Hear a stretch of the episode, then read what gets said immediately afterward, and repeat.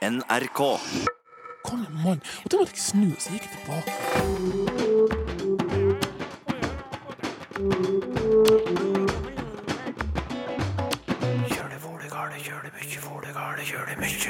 Og Vestland, Vestland, hvor er det?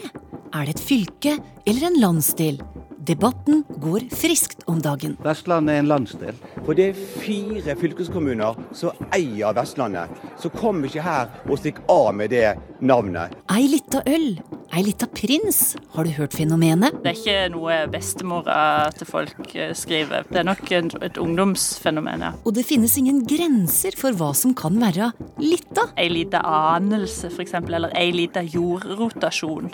Eh, ei lita katastrofe, fant vi òg. Så det Vel møtt til Språkteigen. Hjertet har banka heftig i mange vestlandsbryst de siste par ukene, etter at det felles fylkestinget for Hordaland og Sogn og Fjordane gjorde vedtak om å kalle det nye storfylket for nettopp Vestlandet. En frekkhet, en tilsnikelse og et identitetstyveri mener provoserte og irriterte vestlendinger. Jeg er først og fremst fryktelig fryktelig skuffet over at noen tillater seg å stjele navnet til en hel landsdel. Det er jo rene, ja, det er jo rene identitetstyveriet. For hva er Vestlandet i dag?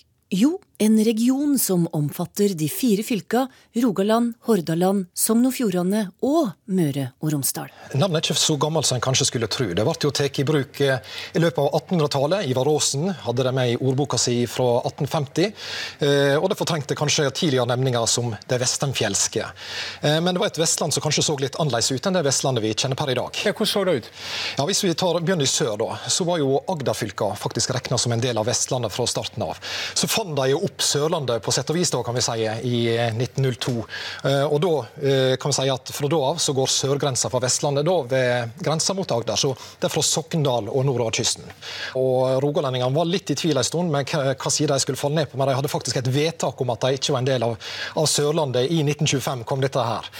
Så nordover på Vestlandet der er det òg kanskje litt mer problematisk, fordi at eh, de fleste vil si at Vestlandet iallfall strekker seg oppover til Romsdalsfjorden, sånn at sunnmøringene er med. Kommer vi til Romsdalen og til Nordmøre, så vil nok eh, folk kanskje være mer i tvil, kanskje direkte avvisende til at de er vestlendinger. Samtidig så har vi jo dette begrepet vestlandsfylka som blir brukt, og det innbefatter da alltid Møre og Romsdal. Slik er altså historien, forteller Yngve Flo, som er forsker ved Uni Research Rokkansenteret. Er vi vestlendinger, vi som bor på Nordmøre? tror vi heller er nordvestlendinger, vil jeg si. Det er litt mer nordtilhørighet, føler vi. Jeg føler slektskap til trønderne mye mer enn til sørover. Hvor hen går skillet, da? Hvor hen er Vestlandet? Romsdalsfjorden. Det som er sør for Romsdalsfjorden, de kan bare gå sørover, så kan vi være mot nord. Er dere engasjert? Vi har ikke vært er ikke engasjert. eh, Nei, det var ikke så veldig stor oppstandelse å spore hos de vi møtte på Nordmøre, men det er kritiske røster til vedtaket i alle de fire vestlandsfylka. Det er jo i all anstendighetens navn et tyveri, en tilsnikelse, en frekkhet. Men det liker ikke jeg. Det syns ikke jeg er rett i hele tatt. For da ekskluderer du Møre, og du ekskluderer Rogaland. Jeg vet ikke helt hva ordet jeg skal bruke, men ikke sint, men på en måte litt sånn irriterende, kanskje. For vi er jo alle vestlendinger. Vi har helt feil. Du kan ikke, altså, du kan ikke utelukke Møre og Romsdal og eh, Rogaland. Jeg sitter med en følelse av at eh, dette er en beslutning på et sent nachspiel. Men jeg tror at en ikke har sett eh, konsekvensene av dette. Vestlandet kan jo ikke bare konsentreres om Sogn og Fjordane og Hordaland. At halvparten kommer og skal raske til seg et navn som har levd i kanskje 150 år, det er på godt norsk en frekkhet. Sånn gjør ikke gode naboer, for da mister man gode naboer. Språkrådet har òg frarådet å velge Vestlandet som navn på det nye storfylket i midten av Vestlandet. Vi mener at det vil være veldig uheldig å reservere navnet Vestlandet til bruk på bare to av disse fylkene. Eventuelt så vil en da få en situasjon der en har Vestlandet i bruk på to måter. Både om hele landsdelen og om disse to fylkene. Men motstanden til tross, her feirer fylkestingene i Hordaland og Sogn og Fjordane at det nye storfylket har fått navnet Vestlandet. I dag er en god dag. Blir navnet stående, er verken Jærstrendene, Preikestolen eller Geiranger en del av det nye Vestlandet. Det er dårlig forsøk på å tilrane seg et navn som eh, tilhører en hel region. Og For vår del så har vi fått konstatert bl.a. at vi er en del av vestnorsk fjordlandskap gjennom Unesco-tittelen vår. Og vi har en tradisjon ut ifra det som vi har hatt med vår Vestland Vestlandssang, som er da skrevet i Geiranger av Tore Ørjasæter nede i støa nede i Geiranger, som sier veldig mye om hva egentlig Vestlandet egentlig er for alle. Det mener direktør ved Hotell Union i Geiranger, Sindre Mjelva. Jeg eh, respekterer selvsagt fullt ut at det er diskusjoner omkring eh, denne type spørsmål. Og Ved forrige korsvei så eh, var det nynorsken som var den store debatten. Denne gangen er det navnet. Dette handler om følelser, og diskusjoner må vi tåle. Svarer fylkesordfører i Hordaland, Anne Gine Hestetun. Og vedtaket i det felles fylkestinget var ganske samstemt, sjøl om bl.a. Språkrådet kom med andre forslag. Ja, Vi har eh, foreslått at en ser på andre gode, historisk forankra regionsnavn som er brukte tidligere i dette området. Og Der kan jeg helt konkret nevne Bjørgvin, som også er bispedømmenavn, eller Bergenhus, som var det gamle navnet på disse fylkene, eller et eldre navn på disse fylkene i hvert fall. Og så har vi sagt at det går an å se på et navn som knytter seg til Gulating, som òg dekker disse områdene. F.eks. Gulafylket. Men vårt primære råd er at eh, det settes ned et utvalg av politikere og folk med navnefaglig kompetanse som ser nærmere på denne saken for å finne det beste navnet og vaske ut den beste løsningen her. Jeg ser ingen grunn til at vi skal begynne på nytt. Vi hadde opp eh, alternative forslag. De falt. Eh, enstemmigheten var stor. Så eh, dette er det vedtaket vi har gjort, og som eh, er oppdraget vårt. Og ikke alle vestlandshjerter banker heftig av irritasjon. Noen banker òg av stolthet til det nye navnet. Altså Bjørgvin, Fjordane fylke har vært oppe. Eh, Nordre Bergenhus amt, Bergenhus amt. Altså, jeg, jeg, føler Vestlandet klinger bedre og har en tydeligere forankring og identitet. Og så håper jeg at det virker oppmuntrende på politikerne i Rogaland og Møre og Romsdal, som ikke bør være siderumpa. De bør bli en del av dette, så vi virkelig kan skape en, en motmakt til Østlandet. Vestlandet er et flott navn. Eh, det er to fylker på Vestlandet som slår seg sammen til en vestlandsregion. Eh, de to fylkene har en sterk vestlandsidentitet. og Da er det, eh, synes jeg det er et logisk og naturlig valg å velge Vestlandet. Men om det er et klokt valg, det er jeg litt mer usikker på. Det sa til slutt sjefredaktør i Bergens Tidende, Øyulf Hjertenes. Og det endelige navnevalget tas av Stortinget til våren. Reportasjen var et utdrag av ei felles TV-sending NRK sine distriktskontor i de fire vestlandsfylka gjorde om navnevalget. Og vi hørte reporterne Halvor Folgerød, Marte Skodje og Guri Eikrem. Forrige søndag snakka vi om grammatisk kjønn i Språkteigen. Hvordan hunnkjønn ser ut til å forsvinne fra språket. Vi skal holde oss innafor temaet i dag òg, til noe som har dukka opp de siste åra, nemlig konstruksjonen ei lita. Som i ei lita øl, ei lita tur, ei lita gutt, altså en hunnkjønnsform som brukes kjønnsoverskridende. Hva slags fenomen er dette? Det har dere forska på, Guro Fløgstad og Elianne Eiesland, førsteamanuenser ved Høgskolen i Sørøst-Norge. Og hva tok dere dit? Nei, altså vi ble jo først oppmerksomme på det fenomenet ja, gjennom, eh, gjennom, TV og gjennom sosiale medier. Og vi syntes at det var interessant, eh, i hvert fall i lys av at eh, grammatisk kjønn i norsk ser ut til å være i endring. Så vi hadde lyst til å finne ut eh, hvor utbredt det var, og, og hvilken funksjon det egentlig er. Hvorfor, hvorfor, sier folk det? Det er også noe vi har diskutert mye med studentene våre. Jeg syns de fortjener litt uh, å ta en liten del av, uh, av æren for at vi begynte å studere dette her. Vi diskuterte mye med dem. De er jo unge, unge folk, og mange av dem har fortalt at dette er noe de, de bruker i høyeste grad i venninnegjengen. Ja, går det an å si litt mer om hvordan dette her brukes? Ja, det, det ser jo ut til at det brukes uh, med en hel eh, rekke forskjellige funksjoner. Eh, delvis så brukes det for å rett og slett konkret uttrykke at noe har en liten størrelse. Eh, men det har jo en rekke andre tilleggsbetydninger. Når folk velger å si det, så, så er det jo det et valg som har en betydning i seg sjøl. Og en av de viktigste betydningene som vi fant, det kaller vi for demping. Altså at en bruker den uttrykksmåten hvis en vil gjøre noe litt mindre alvorlig, litt mindre truende, eller ufarliggjøre det på en eller annen måte. Hvis f.eks. noen sier eh, 'jeg lurer på ei lita ting' kan de f.eks. si, for å på en måte ufarliggjøre det spørsmålet som de stiller, da. Ja, altså vi har jo funnet det, vi har jo gått systematisk til verks for å finne ut nettopp hva denne konstruksjonen betyr. Og at jeg kan mm. si at jeg har skrevet ei lita artikkel for å på en måte ufarliggjøre denne artikkelen og si at den var kanskje ikke egentlig så veldig spennende, ikke sant. Eh, men det kanskje morsomste eksempelet syns jeg er disse hvor, hvor, eh, hvor eh, den er brukt uh, som en, noe, noe, positivt eller noe, som noe, noe, fint eller koselig. altså F.eks. i eksempelet 'Jeg har fått ei lita prins', som da refererer til at man har fått en liten gutt, ikke sant? Ja. Uh, fått en baby. Mm.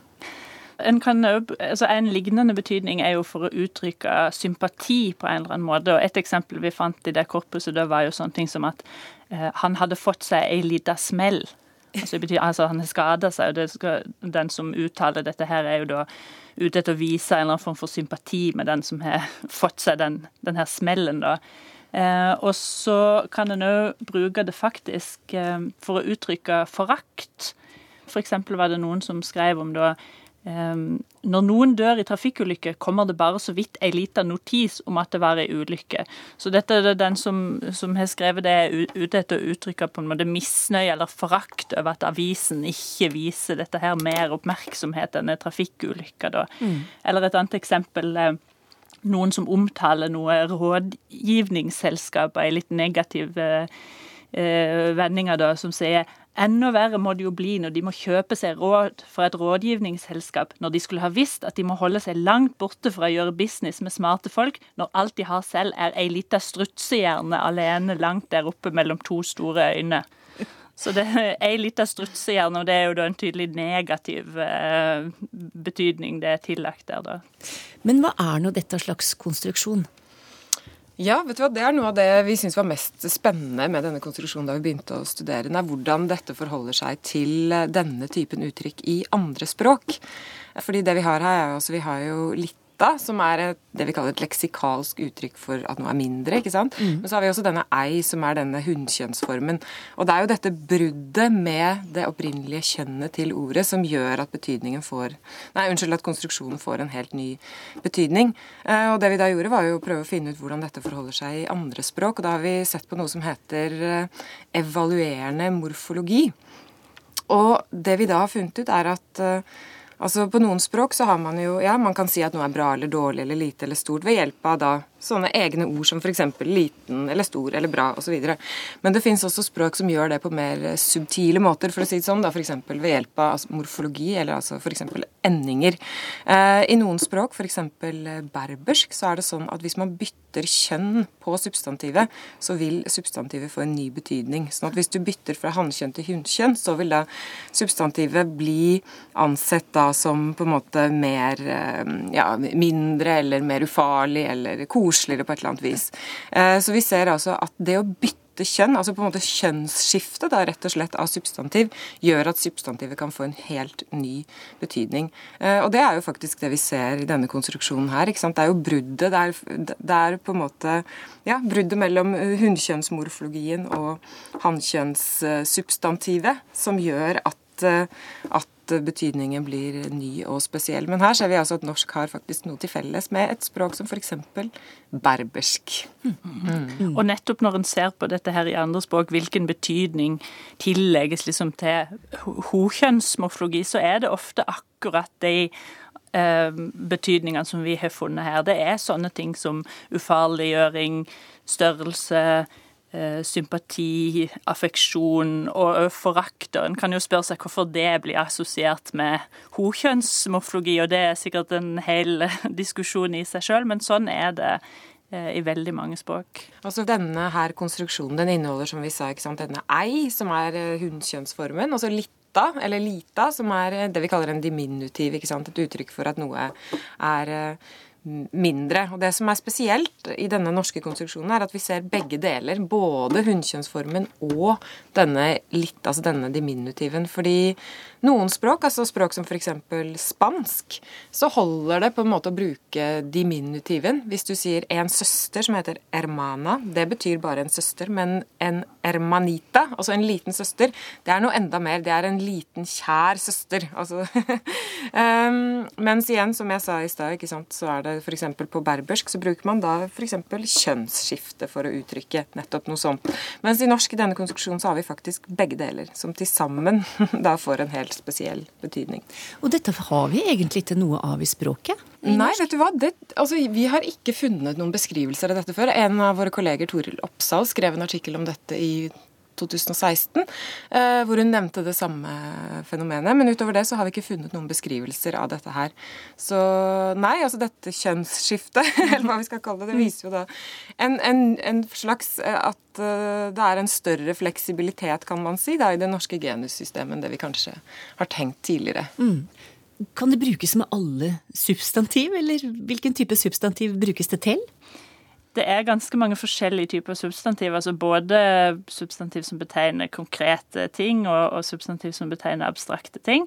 Det er veldig ofte substantiver som refererer til enten sånn tidsperioder og hendelser, altså ei lita pause, ei lita time, ei lita tur. Eller så er det substantiver som refererer til dyr og mennesker, da. Ei lita pus, ei lita prins, osv.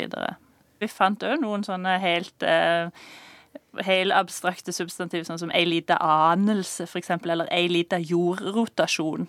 Eh, ei lita katastrofe, fant vi òg. Så det, det, er litt av hvert. Vet dere noe om hvor dette uttrykket 'ei lita' dukka opp første gangen? Vet du hva, Det vet vi ikke. Det er veldig vanskelig å si. Eh, det vi kan si, er jo at eh, det har jo i hvert fall fått en, om vi kan si, en ny vår etter TV-serien Skam. Som jeg tror gjorde at eller som kan ha gjort at det har blitt en, en, eh, konstruksjon som er kanskje blitt mer populær. Men det er utrolig vanskelig å si noe om hvor en språkendring oppstår første gang. Men når cirka dukket det opp, da? Vet du hva? Ja, det er det, da. Vi, vi er eh, litt uh, usikre. Vi tipper kanskje de siste, innen de siste ti årene. Mm. Og det er vel Altså, når vi søkte i litt forskjellige korpus, og da søkte vi først i det såkalte Big Brother-korpuset. Og det inneholder jo språkdata fra 2001. Mm. Eh, der fant vi ingen eksempler på den konstruksjonen.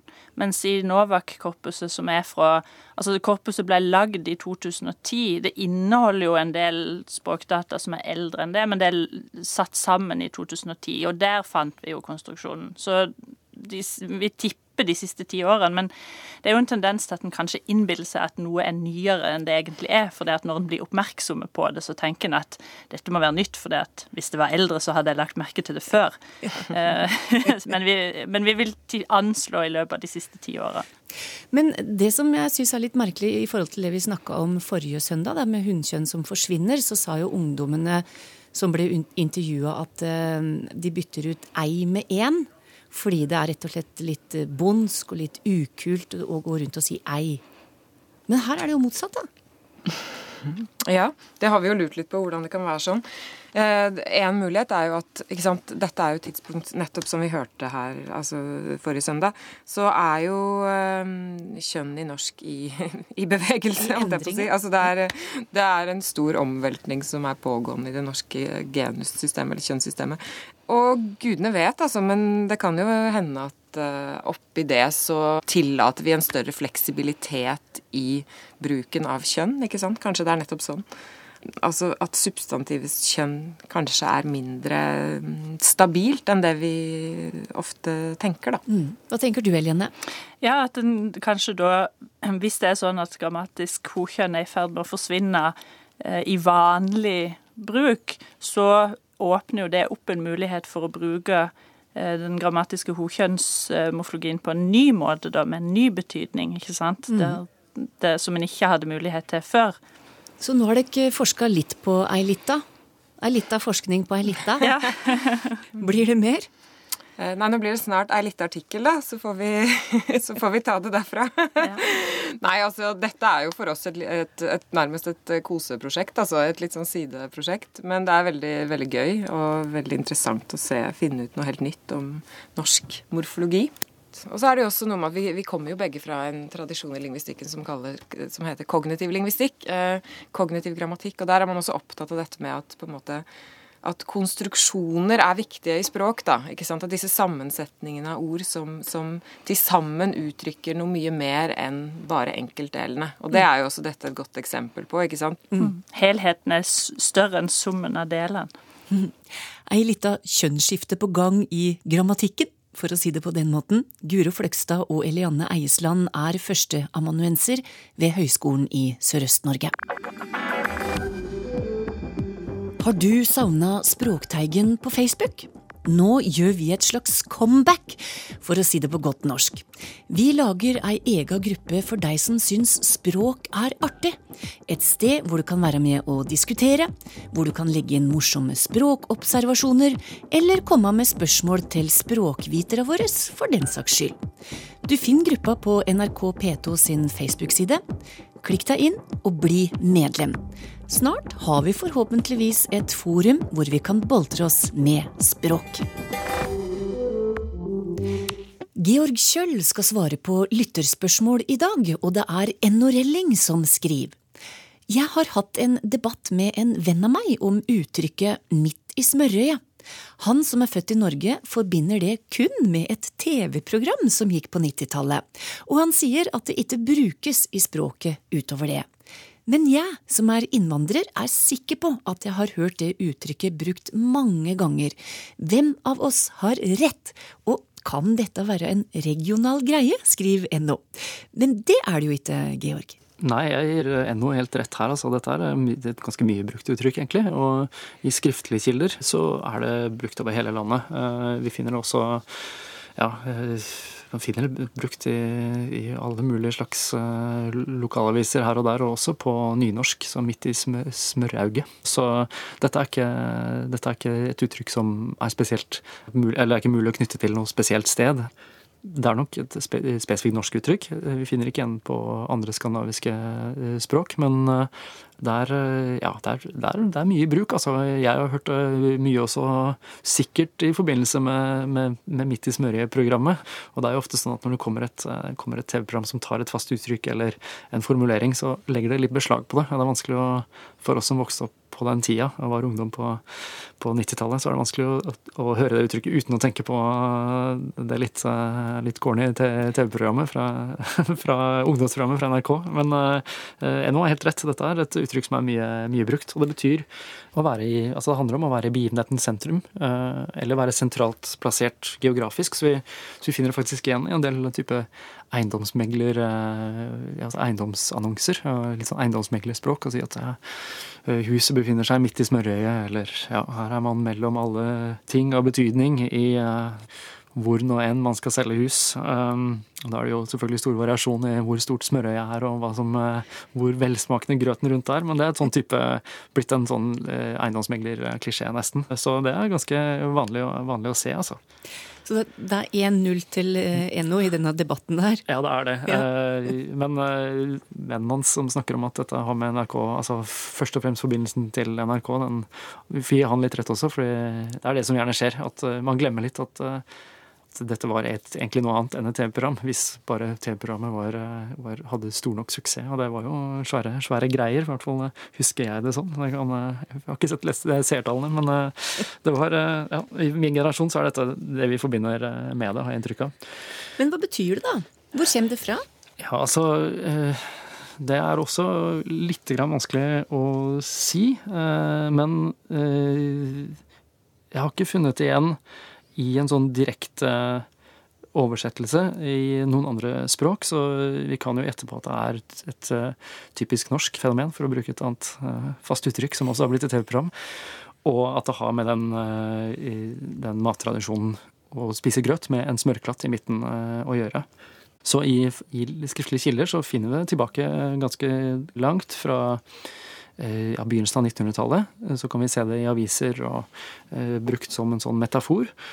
Og eh, enda lenger tilbake så finner vi det i eh, et av Asbjørnsen og Moes eventyr. Ikke, om, ikke som metaforisk, ikke som, sånn, ikke som, et bilde på å være i begivenhetens sentrum, men kanskje det kan være en forbindelse der. For vi har eventyret om Tommeliten. Ja. Om gutten som ikke var særlig større enn en tommelfinger. Og et lite, kort eventyr som er fryktelig tragisk, hvor Tommeliten drukner i, i smørøyet til slutt. Ja. Fordi han hadde så lyst til å nå ut dit når han skulle spise grøt. Og da var det prinsessen som han av litt ukjente grunner skulle gifte seg med som uh, også var grådig på dette smøret og endte opp med å, å drukne med skjeen. Uh, ikke med vilje, men, uh, men det, det, var slutten, slutten på eventyret. Så, og dette var et veldig vanlig eventyr i veldig mange norske lesebøker på, på slutten av 1800-tallet og begynnelsen av 1900-tallet. Så, så, den ideen om å være i smørøyet kan kanskje ha bredt seg derfra, uten at det er mulig for meg å si helt sikkert. Men det, det, er, et, det er, et, tips, i hvert fall. Mm. Og for den som liker grøt, så er det liksom smørøyet som er høydepunktet. Ja, og så er det jo en sånn forbindelse til dette vi snakker om, og, og altså liksom luksus, luksusprodukter. Det ikke, hvis det ikke var rikelig med smør, så, så det, ble det veldig sånn bilde på det som var, det som var bra med et måltid, eller uh, ja, og, og, den type produkter. Altså, vi snakker jo også om å leve fett, f.eks. Som ikke er, det er ikke tilfeldig at det er det som blir bildet, bildet her. Og det kan vi finne igjen i noen andre uh, språk, da, som, eh, som tysk f.eks. Uttrykket er 'fettlebermachen', og at å gjøre et fett liv. Fordi ja, fett var en, var, var en, luksusvare, og det ble et bilde der også. På fransk så har vi et gammelt uttrykk i, i, i form av um, 'avoir l'assiette au beurre', som betyr å ha smørasjetten. Smørtallerkenen. Akkurat. Eh, som i overført betydning handler om eh, de som har mest. Så det blir også litt eh, forbundet. Det handler ikke om det, det samme. Men det er jo litt den samme prosessen vi, vi, ser der. Og det ble også på samme måte som Midt i smørøyet ble det opphavet til en en sånn populær kulturell institusjon, faktisk et satirisk magasin, som var et slags tidlig Charlie Hebdo, som mange kjenner og som ble trykket i Frankrike fra, fra 1901 til 1936. Og det var et sånt, eh, det var ikke tilfeldig at vi valgte den tittelen, for det skulle på en måte gjøre litt narr av øvrigheten og, uh, ja, og, og, eliten. Så da handlet det om å gjøre narr av de som satt med smørtallerken og hadde det, og hadde det fett på den uh, måten. Uh, vi finner også et, en variant av det i en litt mindre vanlig fransk-belgisk versjon, som er, ja, formen avoir le cul dans le beurre, som på godt norsk kan oversettes å ha eh, rumpa midt i smøret. Eh, så eh, en litt sånn mindre elegant eh, versjon, kanskje. Men eh, vi kan jo kjenne igjen fra, fra andre uttrykk da, som handler om det samme. Måte å gjøre narr av de som eh, arver penger og har mye uten å ha jobbet for det. Altså, Vi snakker om å ha gullhår i rumpa. ja. Takk til deg, Georg Kjøll, som svarte på spørsmålet om Midt i smørøyet. Og har du spørsmål, så når du oss på e-post teigen nrk.no, på NRK P2s Facebook-side eller på Twitter. Dette var det. Takk for i dag.